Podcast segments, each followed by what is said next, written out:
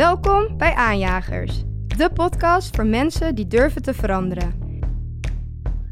Iedere aflevering hebben Nick Botter en Patrick Willer van Salesforce een echte aanjager te gast. Wat drijft hen om te innoveren?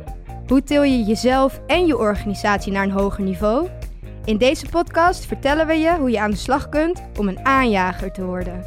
Je kan een, beeld hebben dat als iemand zijn broek wat lager hangt, dat hij lui is en, en, nou, en niet wil meewerken. Maar het hoeft niet zo te zijn.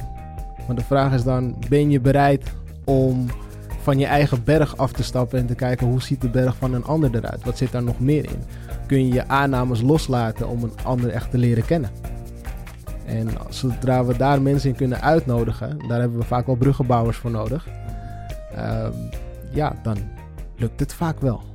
In deze aflevering spreken we Raoul Vertrouwd, oprichter van Passie voor je Toekomst. Hij helpt jongeren dichter bij hun dromen te komen. Hey Nick, Hey Patrick. we gaan het vandaag hebben over, in ieder geval over passie. Mhm. En eh, wat komt op bij jou eh, als we het hebben over passie? En wat is eigenlijk je grootste passie? Nou, het eerste wat in mij opkomt als je vraagt over eh, passie is eh, de gedrevenheid in mensen om ergens gewoon volledig voor te gaan. Ja. Weet je wel? En, eh, ik hou altijd enorm van mensen met een enorme passie. Maakt me niet eens uit wat het is. Maar als iemand dan een passie heeft, dan word ik al helemaal enthousiast en dan krijg ik ook al gelijk een passie. Ja, het is aanstekelijk hè? Ja, het is super aanstekelijk. Dat denk ik ook zo mooi aan, eh, aan passie. Ehm, ik heb dus ook heel veel verschillende passies. Of het nou muziek maken is, gitaar spelen of eh, koken. Je weet, eh, ik ben een enorme barbecue-fanaat. Dus het liefst sta ik twaalf uur lang in mijn achtertuin allemaal dingen te smoken. Ehm, vlees dan bedoel ik. Ja. En eh, nee, joh, ja, zo verschillend veel Het gaat ook een beetje op en neer. Dus het is ook steeds weer iets anders waar ik dan een passie voor heb. Maar, eh, maar ja, de gedrevenheid, dat is, eh, dat is heerlijk om te hebben. Ja. En de energie die daaruit vrijkomt. En wat is dat voor jou? Wat, voor jou wat is dat voor jouw passie? Ja, Wat is jouw passie? Ik, denk dat datgene wat we nu hier doen en wat elke aanjager Hmm. in zich heeft, die heeft die passie automatisch al in zitten. Dat vind ik heel erg mooi. Het is zo'n onverklaarbare wil om iets te doen. En bij mij is het altijd die, die interesse in wat is nou precies weer het volgende? Wat is dan Hmm. weer de nieuwe trend? Eh, en hoe gaan mensen daar weer Ja. mee om? Dat- je kan daar niet genoeg van krijgen. Kom Ja. maar met eindeloos veel vernieuwingen. Ik, eh, ik vind, daar ben ik heel gepassioneerd over. Ja, dat hebben we denk ik allebei. Ja. En daar hebben we ons werk van gemaakt. ja. En ook deze podcast eigenlijk. Ja, en we hebben iemand vandaag in de studio die Mhm. eh, ja, ook een heel gepassioneerd persoon is. Hij werkt zelfs voor een bedrijf dat heet Passie voor je toekomst. Eh, welkom, Raoul Vertrouwd. Dankjewel, dankjewel. Fijn dat je hier, eh, dat je hier bent. Ehm, nou, we hebben het over passie gehad, eh, maar het bedrijf Passie voor je toekomst. Ik denk dat je even jezelf zou moeten voorstellen wat je nou doet en ook wat Passie voor je toekomst betekent en wat het bedrijf doet. Mijn naam is Raoul Vertrouwd. Ik ben al wat jaartjes hier op deze aarde. Ik zal nog niet zeggen hoeveel jaartjes. Dat is geheim voor het eind. Eh, Passie voor je toekomst is een organisatie. We helpen jongeren een stapje verder in het leven. En of dat nou op het gebied van school is, of het gebied van eh, werk is, dat maakt eigenlijk niet uit. We helpen jongeren een stapje verder. We laten hen de routes zien welke ze nog niet hebben ontdekt, welke anderen wel hebben ontdekt, om een stapje verder te komen. En ja, we genieten daar ontzettend van, met alle ups en downs die er zijn. De kinderen en de jongeren die we tegenkomen, die zitten vaak in een benarde situatie. Ja. Niet altijd. Sommigen doen het ook gewoon heel goed en willen gewoon het stapje extra. Maar de vraag is dan altijd, hoe kom je daar? En voor mij is het een, ja, een, een mooiste stap in mijn leven geweest. Om te kiezen voor jongeren, om te kiezen voor mensen eh, die gelukkig willen worden. En echt een, ja, graag willen delen. Ja. Dus daar helpen we ze ook bij. En, en hoe, hoe komen mensen in aanmerking om door jou geholpen te worden? Wat, eh, wat, hoe kwalificeer jij groepen mensen, scholen in eh, om die te helpen? Hoe werkt dat? Heel verschillend. Eh, het is vraaggestuurd. Mensen kennen ons, we maken heel weinig reclame. Mensen kennen ons via via heel vaak en horen de successen die we hebben bereikt. En eigenlijk waar de vraag is, daar gaan we naartoe. Dus mensen vinden ons. De ROC's die we hebben getraind, waar we zijn geweest met onze workshops, die hebben ons gevonden. En ook de school waar ik, de middelbare school waar ik nu werk, die heeft ons ook gevonden. En we zijn samen met hen een, project begonnen om eh, business te introduceren aan jongere kinderen. Ondernemerschap. Eh, veel kinderen hebben nog een bepaald beeld van ondernemerschap wat een beetje vertekend is. Mhm. En als we dat kunnen koppelen aan duurzaamheid, is het alleen maar mooi. Maar het samen ontdekken en samen iets nieuws creëren waar jongeren graag iets van willen leren en eh, nieuwe stappen in durven en kunnen maken. Dat is wat we doen. En hoe zij ons dan vinden. Ja, de ene schoolleider praat met een andere schoolleider. En eh, zo komen we bij de een en de ander weer terecht. Dus het is echt mond-tot-mond reclame. Want reclame voor ons, we doen het heel weinig of eigenlijk heel slecht. Nou, dat is ook de beste reclame, toch? Zo werkt het Wat je- voorlopig nog wel. Precies. En wat voor projecten doen jullie allemaal? Of Wat, waar help je die kinderen mee? Je zei al net iets met ondernemerschap, maar wat, Ja. wat is dat dan? Wat doe je? Ja, bij Junior Business School laten we de kinderen kennis maken met de businesswereld. Het is een, een introductie tot het nieuwe leven, het leven waar je naartoe werkt. Dus denk aan kinderen van eh, een jaar of 12 tot aan 16, die al een idee hebben wat ze willen doen, of soms nog juist helemaal niet. Die krijgen dan lessen in, in bijvoorbeeld consumentengedrag, hebben we vandaag nog toevallig gehad. Eh, hoe maak je een reclamecampagne?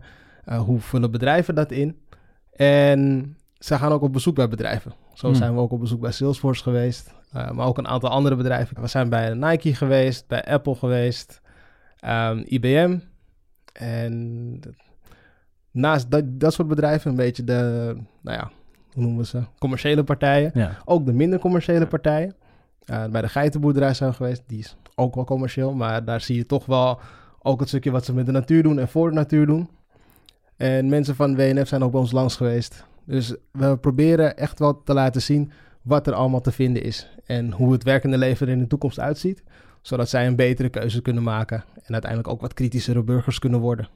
Ik ben eh, heel erg nieuwsgierig hoe die eh, kinderen dan na zo'n bezoekje eh, reageren. Want we hebben ze ook inderdaad bij Salesforce Ja. gehad. Ik heb zelfs ook wel zo'n groepje begeleid en dan een rondje vertellen, vertellen, vertellen wat je doet. Ja. Dat is best moeilijk. Hè? Ja. Ook aan mijn eigen zoontje van tien uitleggen wat ik nou precies voor werk doe. Dat is best, nou hij weet bijvoorbeeld dat ik een podcast maak, dat begrijpt hij wel. Ja. Maar de andere dingen, dat is, dat is best moeilijk voor hem om wat uit te leggen. En dat vond ik ook aan dat, aan dat klasje.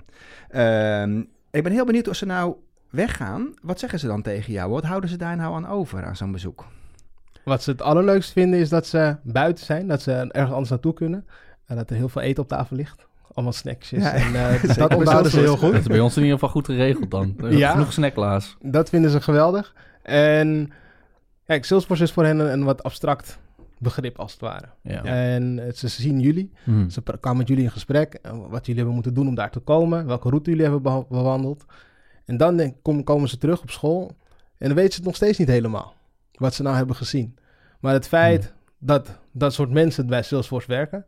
Denken ze al van, nou, qua sfeer, qua cultuur zou ik daar misschien wel terecht willen. Ehm, en dat is al een goed begin voor ons. Ja. Om te zeggen van, nou ja, je weet het nog niet precies, maar je hebt alvast richting. En vanuit die richting kun je verder gaan bouwen, mensen opzoeken, mensen die eh, meer zullen vertellen over hoe het werken daaruit ziet. Ja, daar genieten we van. En wat ik, wat ik zelf heel mooi vond, ik zag laatst dan een van de kids die nu dan in de derde zit. Die heb ik in de eerste gezien. Die was toen in haar eerste klas Mhm. naar eh, Salesforce geweest. Die heeft nog steeds het tasje van toen en loopt ze trots mee op school. Van, Oh ja? kijk, ik ben bij Wat leuk. Salesforce geweest. Wat Ja, dat, dat, daar geniet ik dan van. Dat vind ik echt tof. Wat, is je, wat is je doel met die kinderen? Of ja, wat wil je bereiken met hun? Mijn, mijn eh, filosofie of levensmissie is een beetje geworden ehm, om mensen meer te laten delen. Hm. Dus het succes dat ze hebben, en niet per se het succes aan zich, Ja. maar hoe ze dat hebben bereikt, zodat anderen dat ook voor zichzelf kunnen bereiken.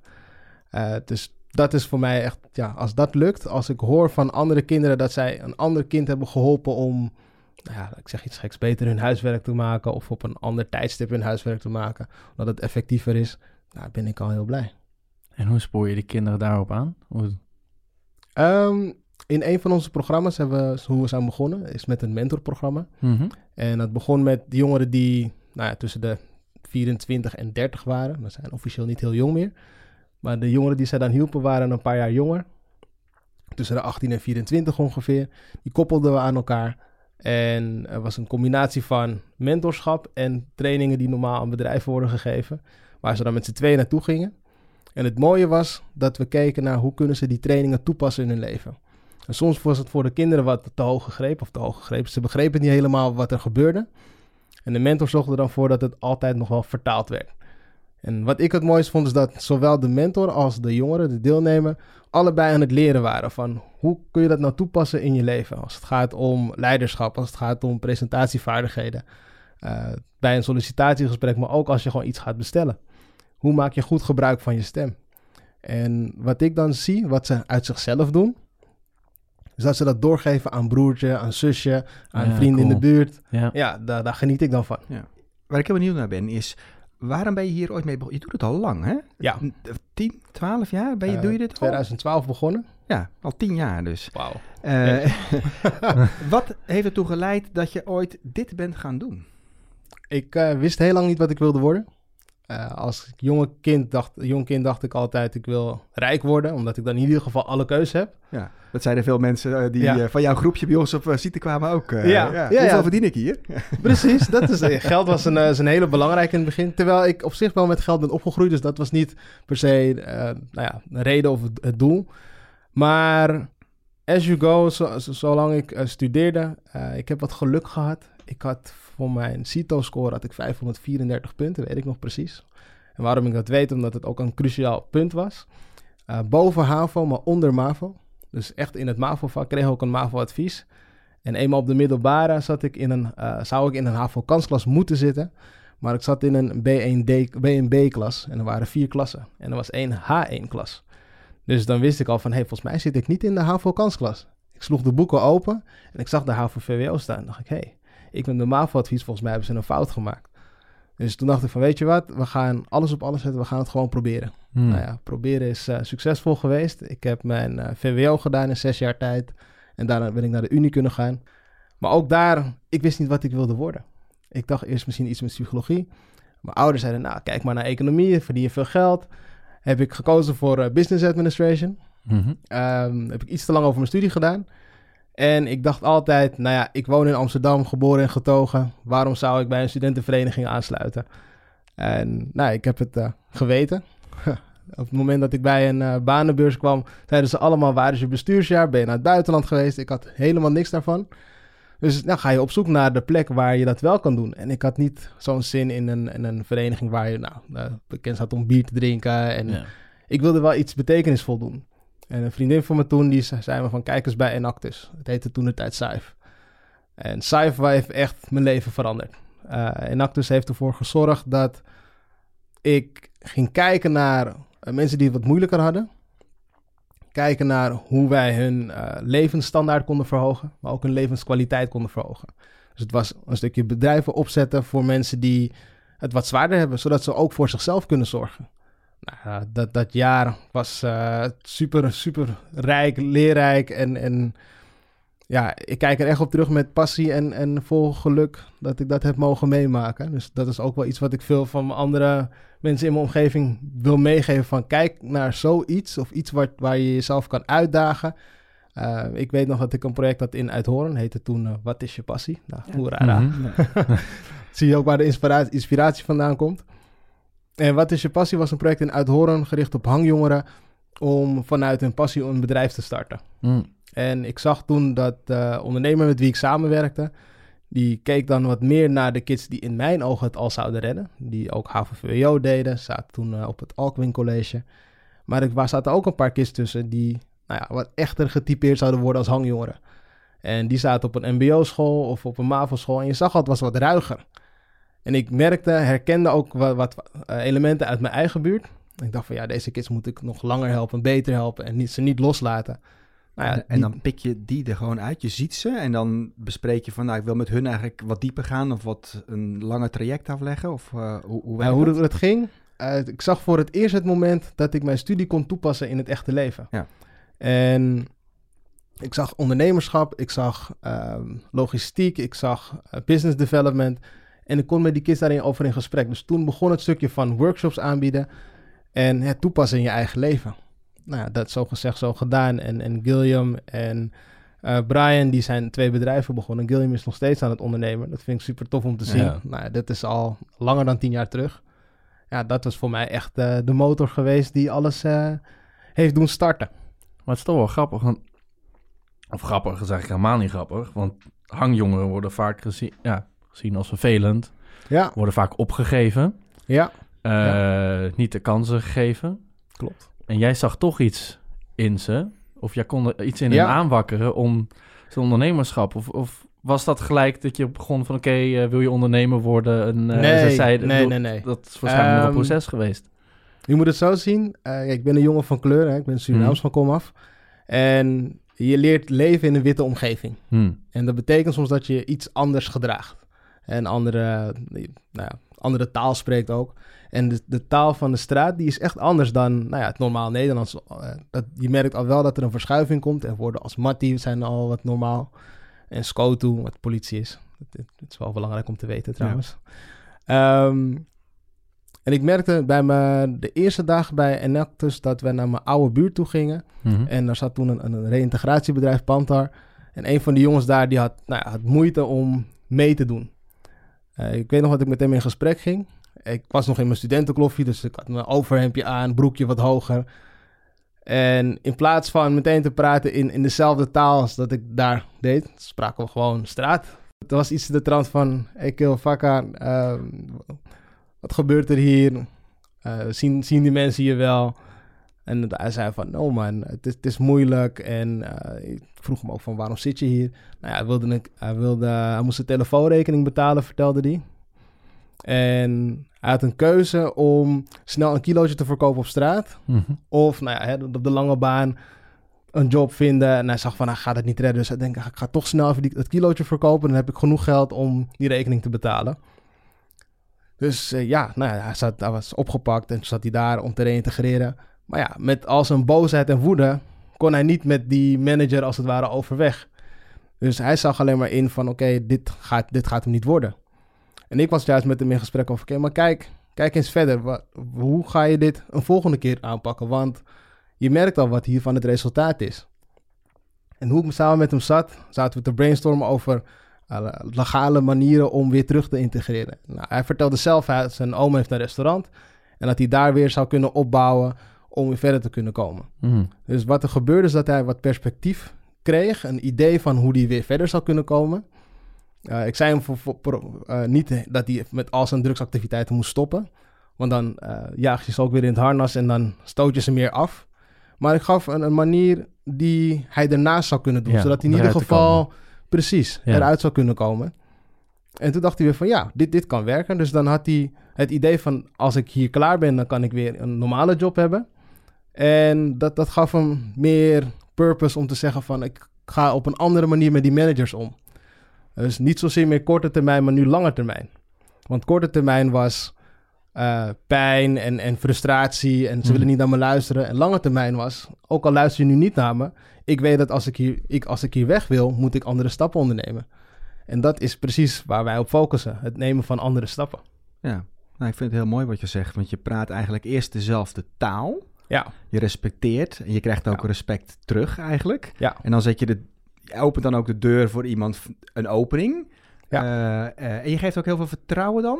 ja, Hoor ik terug in het verhaal van, nou, je kan dat wel. En dat zijn wel hele belangrijke elementen die eigenlijk voor iedereen van toepassing zijn om een bepaalde keuze in het leven te maken. eens, Ja. eens, eens. En ik ben blij met wat ik nu allemaal kan doen. Ik train bijvoorbeeld ook voor het UWC.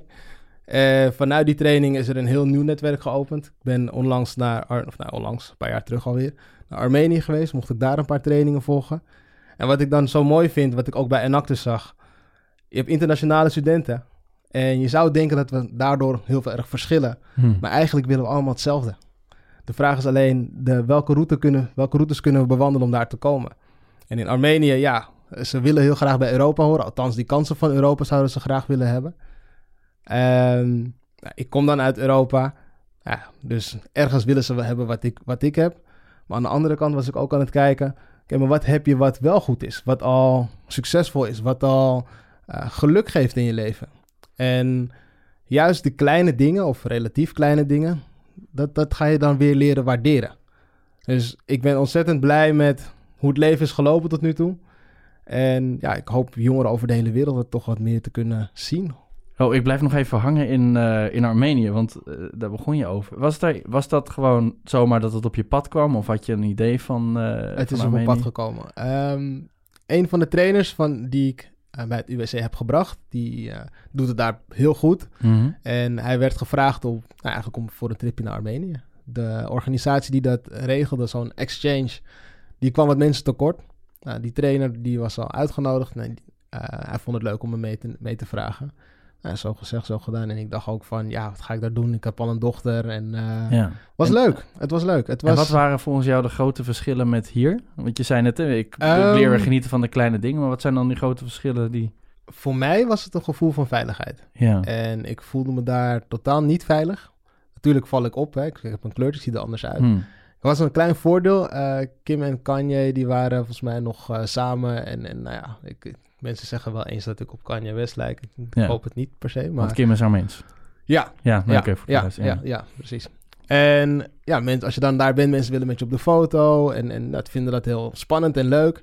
Ja. Eh, tegelijkertijd, als je aankomt, voelde je wel van... oké, ik moet wel goed opletten nu... En, en oppassen dat ik niet in een verkeerde hoek word gedrukt. Ehm, dat ik niet een, eens een andere stempel krijg... maar wel wordt gezien als iemand vanuit eh, UWC, vanuit Nederland... die training komt geven... en niet Ja. per se iemand die eh, als toerist hier komt. ja, Eh, die leuk is om mee op de foto te gaan. Ja, je, je voelde een, een, een, een... Ik had een gevoel van prooi zijn. Hm. En ik, merkte het ook toen we een, een tripje naar, de, naar het centrum deden, naar eh, Yerevan. Ehm, ja, toch van die, hoe noem je dat? Eh, con artists, noem je ze, zwendelaars. Ja. Die met je dan in gesprek gaan, heel leuk, gezellig. En dan toch komt er een moment van dat ze willen dat je je port- portemonnee opentrekt of eh, Ja. extra contact houdt. En ja, het ging heel soepeltjes bij ze. Dat vond ik niet super fijn. En op het moment ook dat je de stad uitgaat, dan merk je ook eh, grote verschillen tussen wat armer en, en wat rijker. En was dat, had je, die, had je dat gevoel ook, wat je net beschrijft over prooi, of dat je misschien niet helemaal gerespecteerd wordt, misschien omdat je ook een andere kleur hebt, maar eh, in de training in, die je gaf daar? Eh, Ehm. heb, je, heb je de training anders benaderd dan dat je hier in Nederland zou doen? Dat je de... Ja, wat meer afwachtender was ik dan. Hmm. Uh, omdat ik dan wil zien, voelen hoe de groep op mij zal reageren. Uh, in hoeverre word ik in een hokje geplaatst wat stereotypen betreft. ja. In hoeverre heb ik de, krijg ik de kans om een andere kant van mezelf te laten zien of wordt die al vooraf ingevuld? Uh, nou ja, de workshop die ik in eerste instantie wilde geven, heb ik niet gedaan. Ik heb uh, salsa workshop ge gegeven, gehouden. Was ook heel leuk. Maar dat gaf mij meer ruimte om los te komen. Ook om een ander deel van mezelf te laten zien. Een, een leuke, gezellige kant. Ik weet dat, dat ik een uitstraling kan hebben die wat agressief overkomt. Uh, die kan ik ook aanzetten. Um, maar dit voelde veilig. Ik zat met meerdere Europeanen daar. Mensen uit Italië, uh, Letland, Spanje, Duitsland. Van alles zat ertussen. En voor hen was Suriname en Nederland... Nou ja, was voor niet iedereen even bekend. Dus dat gaf me ook de kans en de ruimte om een andere kant van mezelf te laten zien. Dus in eerste instantie denk je van ja, ze kennen Kanye, ze kennen uh, gangster rap en, en al dat soort dingen, dat kennen ze. En nu zien ze een jongen in, in nou, wat, wat nette kleren. Wat zou dat kunnen zijn? En ik kreeg de kans om dat op een andere manier te tonen, dus dat vond ik heel fijn. En ik werd uh, met open armen ontvangen na, nou, in ieder geval na de tweede dag. Ja, maar je hebt er wel een bijzondere sensor voor. Je hebt al veel voorbeelden genoemd, ja. maar wat me heel intrigeert is als je dan met mensen aan de slag gaat en die hebben die sensor misschien niet, hoe je ze daarbij helpt. Ja. Ik vind het een heel interessant, een precair onderwerp eigenlijk. Ja, het, hoe je ze helpt. Het is, kijk, ik heb het voordeel gehad dat ik het van, met de paplepel ja. heb meegekregen. Uh, en niet iedereen heeft dat gehad. Dus op het moment dat je ze daarvan bewust maakt, is het natuurlijk ook een schrikreactie voor hen. Uh, even wennen, onwennig gevoel van, uh, hoor ik hier wel thuis? Past dit wel bij me? Is dit wel iets wat ik zou moeten doen? Ja. Ben ik mezelf aan het verlogenen? Ben ik mijn cultuur ja. aan het verlogenen? Ja. ja. Um, het is en-en. Het is aan de ene kant kijken wat heb jij nodig? Wat heeft je gezin nodig? Wat hebben de mensen in je omgeving nodig? En aan de andere kant is er misschien een andere of een betere plek waar je wel gewoon nou ja, die kant van jezelf kan laten zien. Maar heb je het gevoel dan dat je nu als je ergens werkt of als je op een school werkt, dat je nog steeds dingen van jezelf achter moet houden? Of kan je gewoon nu uh, Ik hou ze nu zijn? niet meer achter, maar ik switch. Ik, ik verander in die zin. Hmm. En ik moet ook veranderen, omdat de groep waarmee ik werk van overal vandaan komt. Zeker op de school in, in Buitenvelder. Nou, je hebt kids uit Amstelveen, ja. je hebt kids uit uh, Amsterdam en verschillende delen van Amsterdam ook. Dus het is een hele ja. gemengde groep. En wil je met een ieder kunnen aansluiten, ja, dan heb je verschil, moet je verschillende talen spreken. En soms is dat het combineren van straat en business. Ja. En soms is dat een co- combinatie van eh autochtoon Maar Nederlands dat en is business. spelen met, je, met delen van je identiteit, Ja. zodat je de connectie kan maken Ja. met de ander. Ja, ja, ja. Maar jij hebt dat nu opgebouwd om dat zo, om dat zo te kunnen spelen misschien. Mhm. Ehm, maar dat betekent niet dat je nog misschien delen van jezelf achterhoudt eh, voor zo'n school. Jawel, jawel. Eh, we hebben ook een tijdje terug alweer een training gehad hierover. En nou, ik benoemde dan bijvoorbeeld... Ik heb dan al als eh, jonge jongen toen de tijd student... Ja, heb je misschien een lange dag gehad, ben je wat vermoeid. Ja. En heb je een plekje gevonden in de tram. Mhm. En je hebt even geen zin dat mensen naast je komen zitten. Nee. Nou ja, dan word ik even die, die vervelende Surinamer die uitgezakt zit, een petje laag of capuchonnetje op. Ja, dan wil iemand er niet naast je komen zitten. Nou, dit is een, een rol die je dan kan aannemen. Het hoeft niet, kan wel. Mhm. En ja, daar speel je mee. Mhm. En als we het vanaf de andere kant bekijken, want mijn eerste reactie zou gelijk zijn, maar dat is misschien ook omdat bij Salesforce eh, equality zo'n sterke waarde is, eh, dat ik gelijk denk, ja, maar je moet wel gewoon als jezelf naar je werk kunnen gaan. Dus als jij denkt, ik laat mijn broek wat lager hangen, eh, dan moet dat gewoon kunnen, want dat, dat ben jij. Je moet je wel je, Ja, je true self, zoals wij zeggen, mee naar je werk kunnen nemen. Omdat je anders gewoon te veel tijd, of eh, te veel energie, sorry, spendeert, Mhm. eh, die je anders ook gewoon op een positieve manier kan spenderen. Dat kost Ja. namelijk volgens mij wel heel, steeds heel veel energie klopt. als Klopt. je niet jezelf kan zijn. Klopt. Dus het is aan de ene kant dan ook... accepteer je dat andere stuk als jezelf. Hmm. Dus dat stuk waarbij je eh, business-minded bent en je zo ook kleedt. Daarnaast, je hebt ook met klanten te maken. Ja. Ik weet niet of jullie, in hoeverre jullie allemaal dat hebben. Maar eh Veel, veelal ja. met klanten te Ja, maken. veel, en zij hebben ook verwachtingen. En Hmm. je wilt niet de verkeerde verwachting bij ze achterlaten.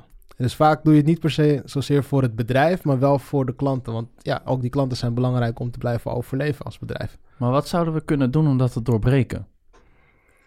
Ehm, het komt neer voor mij op kennismaking. Kennismaking vanuit de klanten, de mensen die, eh, laten we zeggen, de macht ook hebben. Wat zit er aan de andere kant? Wat is er nog meer? Want je Mhm. kan een, een beeld hebben dat als iemand zijn broek wat lager hangt, dat hij lui is en, en, nou, ja, niet wil meewerken. Maar het hoeft niet zo te zijn. Maar de vraag is dan, ben je bereid om van je eigen berg af te stappen en te kijken hoe ziet de berg van een ander eruit? Wat zit daar nog meer in? Kun je je aannames loslaten om een ander echt te leren kennen? Ja. En zodra we daar mensen in kunnen uitnodigen, daar hebben we vaak wel bruggenbouwers voor nodig. Mhm. Ehm, ja, dan lukt het vaak wel. En de vraag Ja. is ook vaak, wat als het wel lukt? Het Zit het ook volgens jou in leiderschap en diversiteit die we ook in leiderschap zien? Ja, je, je wilt toch wel graag mensen zien ook die op je lijken. Ja. En ja, dat is soms waar het soms wel wat vaker aan schort. Want je zou dan kunnen zeggen of denken, wat, wat je vaak hoort bij bedrijven, ja, we kunnen ze niet vinden. ja. Of ze zijn er niet. ja.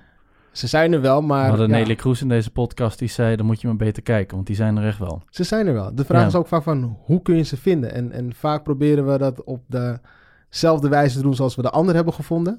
Of de, de mensen uit de dominante cultuur. Maar ja, mensen leven anders. Dus dan moet je ook een andere route vinden om ze te kunnen vinden. Ja. Om ze, ja, om ze te kunnen Maar vinden. ik kan me ook voorstellen voor die kinderen die, die dan bij bedrijven langs gaan, eh, Ja. uit die groep van jou, dat als zij niemand zien die op hun lijkt, eh, dat dat ook een soort van grens. Ja, Omdat ze denken van ja, maar dat is helemaal niet bereikbaar misschien voor mij, want er Eens. is niemand zoals, zoals ik hier. klopt, klopt. Dus het is eh, zoeken naar herkenning. Ja, En voor die kids is, kan het, ehm, ja, voor de kids is het echt wel belangrijk dat we ook daar voorbij kijken. Eh, dus je, ziet misschien niet iets die, iemand die op je lijkt, maar misschien zie je wel dat hij dezelfde hobby's heeft, bijvoorbeeld. Mm. Dus je kan op een andere manier zorgen voor verbinding. Verbinding, Precies. ja. En daarom moeten die kinderen worden misschien straks wel de eerste. Zodat zij wel in levende lijven een voorbeeld kunnen zijn voor een ander die op hen lijkt. Dus ja, ook voor hen, het is zoeken, het is vinden, het is uitproberen. En als we mensen van kleur op, op, positie, op, op mooie posities hebben, dan probeer ik ze ook naar voren te halen. Als we kijken bij Business School, hebben we aan het einde dat er coaches komen die zelf met de eindpresentaties. Eh een van, van de bekenden van ons, die is een, eh, eh, moet ik het goed zeggen? Pacemaker technicus. Mhm. Nou, dat is een beroep wat je niet zo vaak hoort, niet zo vaak Nee. tegenkomt. Dat is een jongen van kleur. En ja, vertelt er graag over. Kinderen hebben er geen idee van dat het beroep er überhaupt is. Ja. En ze zien toch van, hé, hey, iemand die eh, nou, niet wit is op dat moment, die heeft zo'n baan. Dus het, het kan ook nog. Dus dat laat ook alweer zien dat er veel meer mogelijk is voor de kids. Ik denk dat dat voor mij ook een van de belangrijkste uh, pijlers is. Een van mijn motivaties is om dat te blijven doen. De kids laten zien dat er meer mogelijk is dan ze denken. Ja. ja. ik vind het heel mooi hoor, wat, je, wat, jij, wat jij doet. En dat doet me weer denken aan, aan passie. Want passie is niet gebo uh, gebonden aan etnische achtergrond of aan nee. of je nou een man of een vrouw bent of leeftijd. Passie die heeft iedereen. Ja. Maar het gaat vaak om het blootleggen van die passie. Ik vraag, dat is best wel een, een vraag die ik veel stel aan mensen. Ja. Van wat is je passie? Um, en sommige mensen hebben daar goed over nagedacht en die kunnen dat goed vertellen. Uh, best wel veel mensen weten het ook niet. En dan moet je een beetje op doorvragen voordat je er ja. komt. Dat herken ik ook een beetje bij jou terug. Ja. Dat jij die vaardigheid goed ontwikkeld hebt om dat naar boven te halen. Misschien zeggen heel veel mensen vanuit een minder uitzichtrijke positie uh, vrij snel dat ze een bepaalde passie opgeven. Ja. Denken dat ze hem niet kunnen materialiseren. Ja, iedereen kan zijn passie materialiseren als je er maar je schouders onder zet natuurlijk. Ja, nou ja, het, het is, um, er komt iets meer bij kijken. Vertel. Want het is je, aan de ene kant je schouders eronder zetten, maar een support system, een netwerk wat dat ondersteunt, ja. en dat kan al bij je ouders zitten, is echt wel nodig. Um, wat ik ook bij mij al aangaf, mijn ouders wilden dat ik iets met economie zou gaan doen. Ja. Hmm. En stel dat, je, stel, jij komt vast mensen tegen die het niet hebben van hun ouders. Klopt. En dan help jij ze toch verder. Hoe, hoe pak je het dan aan? Kijk, passie is, uh, het vinden van je passie is een reis, is een ontdekkingsreis. En die ontdekkingsreis kan al plaatsvinden vanuit een gesprek.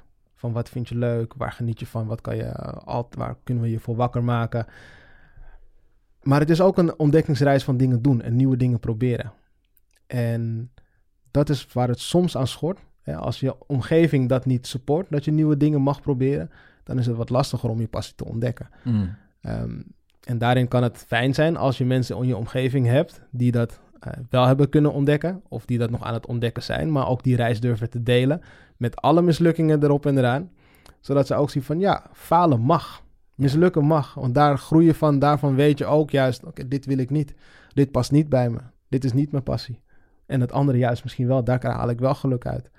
Het, ik weet nog heel goed dat um, toen ik werkte voor een uh, creditcardmaatschappij, we kregen daar toen een, een, inwerktraining. En ik zag die meneer, ik weet zijn naam nog wel, volgens mij, het was Paul Smeets volgens mij.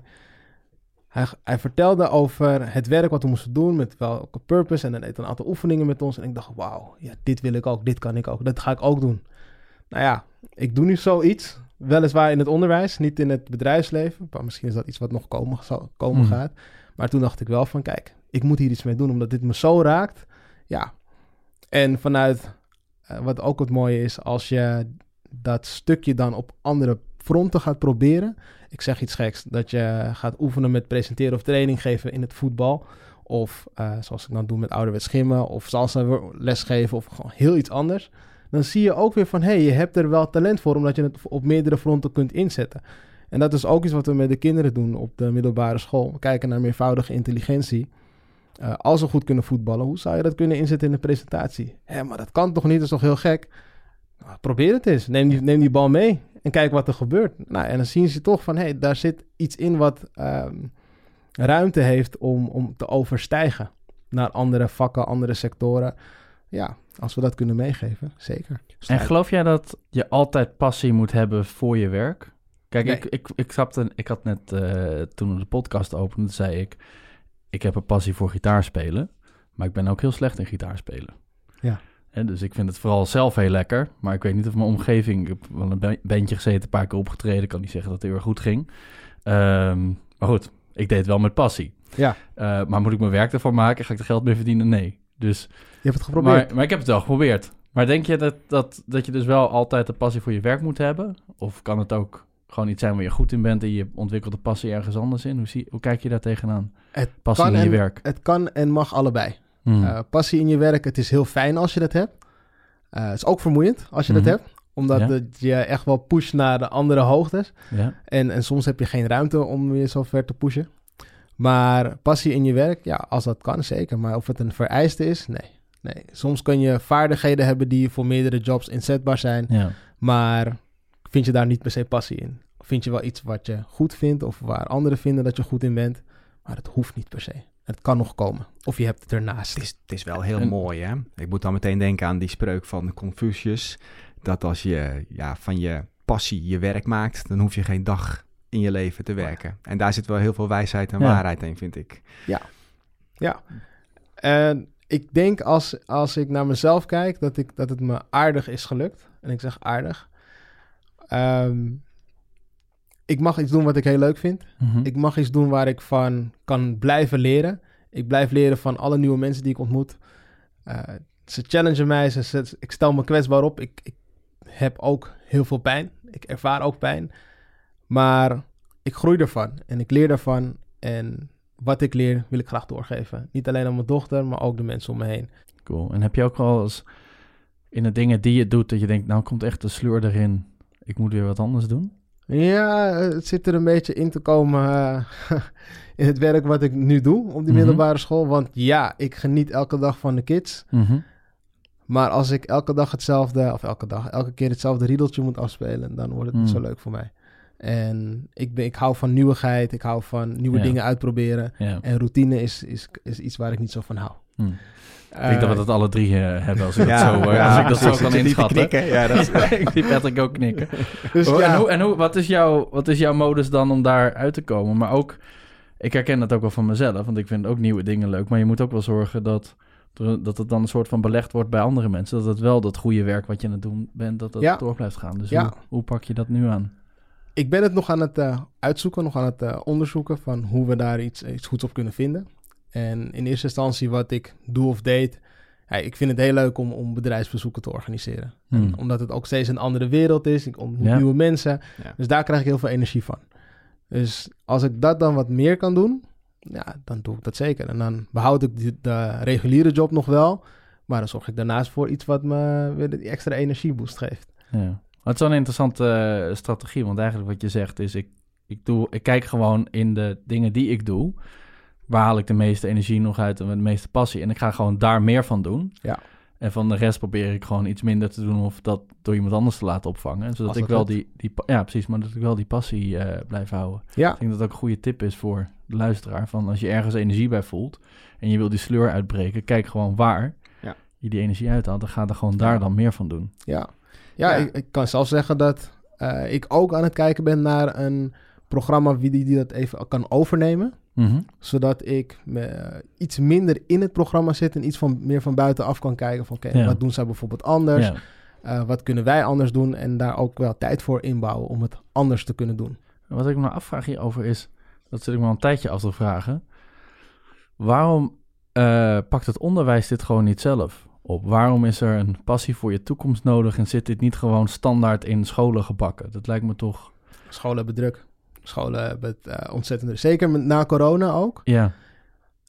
Er is heel veel blootgelegd met, door corona. Hm. Ehm, je ziet de thuisomgeving van mensen. Je, ehm, je ziet dat kinderen het best echt zwaar hebben gehad en opnieuw moeten definiëren hoe zij hun jeugd gaan doormaken.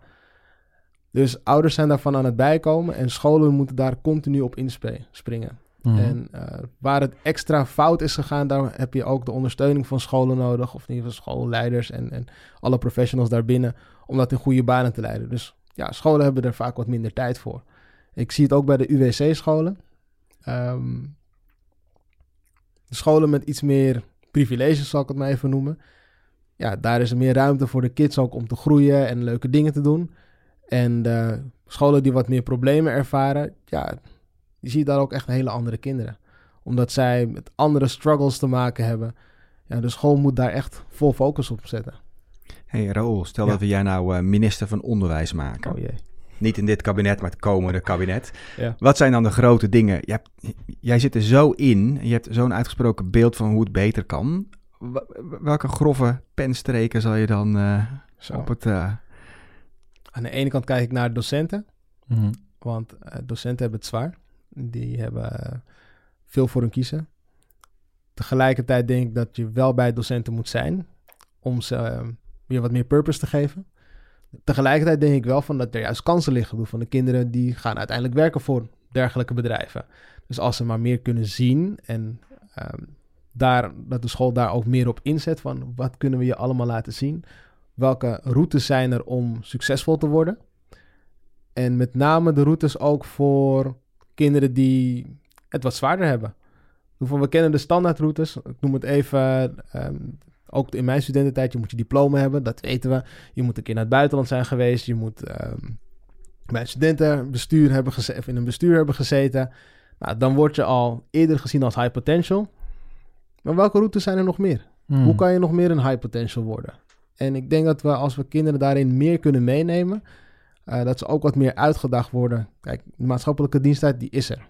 Maar hoe het wordt ingezet, ik weet niet hoe of dat ehm, per se het gewenste resultaat heeft. Eh, als ik kijk naar mezelf met Enactus, heeft het me zeker geholpen, maar het was niet omdat ik gedwongen was op vanuit de overheid. Ik was gedwongen vanuit, ik noem het even de arbeidsmarkt, om toch zoiets te ondernemen. En ik kon kiezen voor, eh, laten we zeggen, de, de, de bier, de studentenclub waar alleen maar bier werd gesopen. Maar ik koos ervoor om iets te doen wat betekenisvol is. Hmm. En de ruimte om te kunnen kiezen, maar ook te kunnen uitproberen. Ik denk dat we kinderen daar veel meer mee moeten. Ja, Ja, dat is toch is meer bereiken. persoonlijke aanpak voor elk individu wat persoon nodig heeft. En tegelijkertijd veel meer co-creatief, niet binnen je klasje, maar met, met, met de maatschappij, met de Ja. scholen. En dat al waarschijnlijk op een jongere leeftijd. Eh, ja om er ik veel denk meer... dat we daar vroeg mee moeten beginnen. Ja. En dat zij ook leren delen. En wat ik bijvoorbeeld aan mijn kinderen vaak vraag, is: Oké, ik heb je iets uitgelegd. Hoe zou je het nu aan je buurvriend, buurjongen, buurmeisjes, zou je dat uitleggen? Waarom? Om, om alvast te vroeg te beginnen met het delen van informatie. En Hmm. handigheidjes die niet alleen voor hen handig zijn, maar ook de mensen in hun omgeving. En zodra ze dat vaker maar oefenen, ja, denk ik dat we naar een mooiere samenleving Ja. tegemoet gaan. Jij zegt iets superbelangrijks. Als ik terugga naar school, dan denk ik altijd dat mij heel erg geleerd werd om dingen te onthouden. Ja. En nu zitten we eigenlijk niet meer in een tijdperk dat het relevant is. Je zegt het zelf al, je kan alles opzoeken. We zijn allemaal Ja. connected met het internet. Het gaat meer om het begrijpen van concepten en hoe zaken in elkaar zitten. En wat mij betreft zou het onderwijs daar veel meer naartoe moeten schuiven. Eh, Onthouden, dat is helemaal niet meer relevant. Nee, maar leerstrategie wel. Ja, Dus eh, ja, onthouden. Kijk, als je wordt geleerd om eh, bijvoorbeeld een rijtje uit je hoofd te stampen, hoe ga je dat aanpakken? En de school zou wat vaker mogen evalueren. Oké, je hebt misschien een onvoldoende gehaald. Hoe heb je dat geleerd? Hoe heb je dat aangepakt? En ik denk dat als we leerstrategieën meer delen, dat, nou ja, dat we meer eh, keuze geven aan kinderen om ja. op hun eigen manier te leren.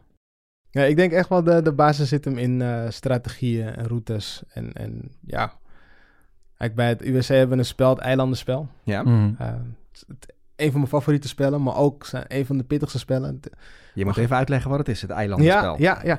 Het eilandenspel is een eh, spel waarbij er een, een burgemeester is. Die, dat is meestal is dat een trainer of een docent. Mhm. En die heeft een bepaalde wens. En voor alle, alle drie de eilanden, eiland A, B en C, zij moeten dan zoveel mogelijk, zo goed mogelijk die wensen realiseren. Door een eiland te bouwen waar de burgemeester of de koningin, koning graag zou willen wonen. Het enige is, elk eiland heeft te maken met andere privileges. Dus eiland A heeft best veel privilege. En zij krijgen alle spullen toege, toege, nou, toegeëigend. Eh, eiland B wat minder en eiland C amper. Dus je ziet al, eiland C die wordt benadeeld continu. Die krijgen ook echt wel een andere behandeling. Die moeten om de havenklap naar de gevangenis. In de gevangenis moeten ze push-ups doen. nou, allemaal rotklusjes. En ze zien continu dat eiland B en C bijvoorbeeld, of B en A, hetzelfde doen, maar niet dezelfde straffen krijgen. Dus dat stukje oneerlijkheid, ongelijkheid wordt heel erg naar voren gepusht. En je ziet het wat het ook doet met die kinderen. Sommigen kunnen er heel slecht tegen en die ageren ook. En anderen denken van, eh, ik kan er toch niks tegen doen, het, het zij zo. En je ziet dus de wereld in het klein terug. Mhm. En waarom het mij dan ook zo raakt. eh, nou, ik ben nu woonachtig in Zuidoost. Ik zie bijvoorbeeld veel stichtingen die volledig afhankelijk zijn van subsidie. Nou ja, ik voel wel een stukje eiland zee daar.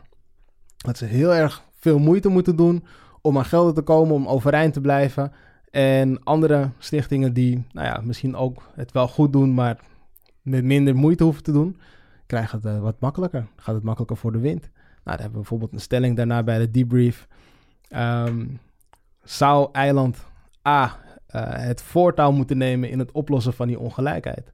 Nou, het is heel lastig. Het kan wel, maar het is heel lastig. En zo simpel ligt, is, het- is het helemaal niet.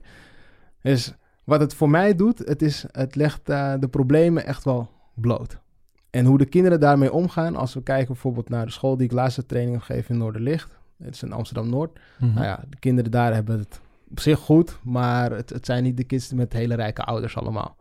En in Culemborg was dat bijvoorbeeld wel het geval. Ja, de kinderen geven hele andere antwoorden. Die geloven, in Culemborg werd bijvoorbeeld wel eens gezegd dat eh, het continent Afrika evenveel tijd heeft gehad om succes en rijkdom op te bouwen. Dus dat zij nu niet zo succesvol en rijk, rijk zijn, is hun eigen schuld. En dat, dat raakte me wel. In de Hmm. zin van, ja, maar ken je de geschiedenis niet? Maar het, het zijn vaak de ouders die dat meegeven aan de kinderen. Dus daarin denk ik dan soms, ja, die strijd lijkt dan soms onbegonnen. Maar dus dit soort elementen, dat is wat het eilandenspel dus blootlegt. En Daarom hier, vind ik het zo mooi. dat, hielp dat eilandenspel ook om daar een wat breder inzicht in te krijgen voor die school in Culemborg? Ja, ja, ja, ja, ja. En ze, ze hadden ons daarom eigenlijk ook gevraagd om die, eh, die bubbel even kapot te maken. Om te laten zien hoe de echte wereld eruit ziet. Ja. En dat En wie eh, had dat gevraagd? eh, de schoolleiding. De schoolleiding. Ja, ze, ze weten ook dat, dat zij een vertekend beeld hebben van de, maats- van de Mm. realiteit. Dus ja, zo'n training zou dan al helpen. Maar zelfs dan, ik merkte bij mezelf ook dat ik even vastliep.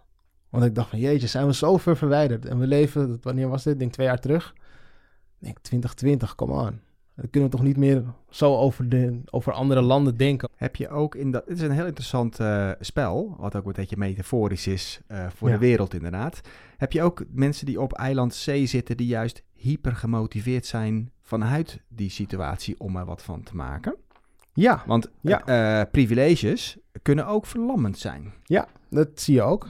Waar eiland C met weinig middelen soms mooiere eilanden maakt, bouwt dan eiland A. Ja. Omdat zij ja, gewoon met middelen, minder middelen het moeten rooien. Ja. En eh, die creativiteit wordt dan extra aangewakkerd. En bij eiland A, ja, we hebben zoveel spullen. Dus ik denk van, ja, nou ja, één dingetje meer Ja. of minder. Het zit toch allemaal wel goed. Ik ben onwijs benieuwd waar jij jezelf ziet staan en wat je doet over, wat zullen we zeggen, vijf jaar. Vijf jaar. Nou, kom mijn leeftijd hè, naar voren. Ben ik 40. Ah, Over vijf kijk. jaar. Zie je, je Geheim voor het eind. Geheim voor het eind. Ehm, over vijf jaar. Ja, dat is mijn dochter ook weer een stuk ouder. Ehm, ik weet het niet. Ik weet het niet. Ik hoop dat ik met, met passie nog steeds mooie dingen kan doen. Hm. Wat ik zeker weet is dat ik nog steeds zal blijven delen. En mensen zal eh, helpen naar een, een volgende fase in hun leven. Een, een volgende standaard in hun leven. Dat zal ik nog steeds blijven doen. Maar hoe ik dat ga doen, via welk platform ik dat ga doen, dat weet ik niet. En dat vind ik ook fijn om het open te houden. Als je nu, eh, weet je, je hebt het vaak ook over je dochter gehad. En je hebt het ook gehad over hoe jouw ouders jouw advies gaven. Ja. Om economie te gaan studeren en eh ABN te praten. En nou, hoe je je plek in deze wereld kreeg. Wat zou je nu, behalve, want je hebt al gezegd, ik tegen, tegen mijn dochter delen. En wat, wat is het advies of eh, wat je aan je dochter mee wil geven? Het belangrijkste advies is nieuwe dingen uitproberen. Ehm, natuurlijk, je hebt het idee, je leeft op een gegeven moment een bepaalde tijd en je hebt dingen gezien waarvan je denkt, dit past bij mij, dit, dit is wie ik ben. Maar dit, wie je bent is niet vast, staat niet vast. Je blijft in beweging, je blijft groeien. Dus in die zin, probeer nieuwe dingen uit. Als ik nieuwe dingen niet zou uitproberen, zou ik niet naar Armenië zijn geweest. Mhm. Zou ik niet met passie zijn begonnen? Zou ik niet op school mijn eigen baan gecreëerd hebben? Zou ik niet allemaal mooie mensen hebben leren kennen? Dus echt, probeer nieuwe dingen uit. Je hebt geen idee wat er allemaal achter zit. Nee, het is nou, super cool. En, en vind zo je passie. En eh, nou echt, ik, ik hoop dat, er meer, dat we meer Raoul's kunnen vinden. Eh, dat is denk ik wat we nodig hebben. Dus ik wil je heel erg bedanken voor, eh, voor dit gesprek. Dankjewel. Ik vond het superleuk. Ja, bedankt voor alles wat je doet, eh Rol. Fijn dat je hier was. Dankjewel. Het is echt, was echt leuk. Ga voor meer verhalen van aanjagers naar salesforce.com/aanjagers.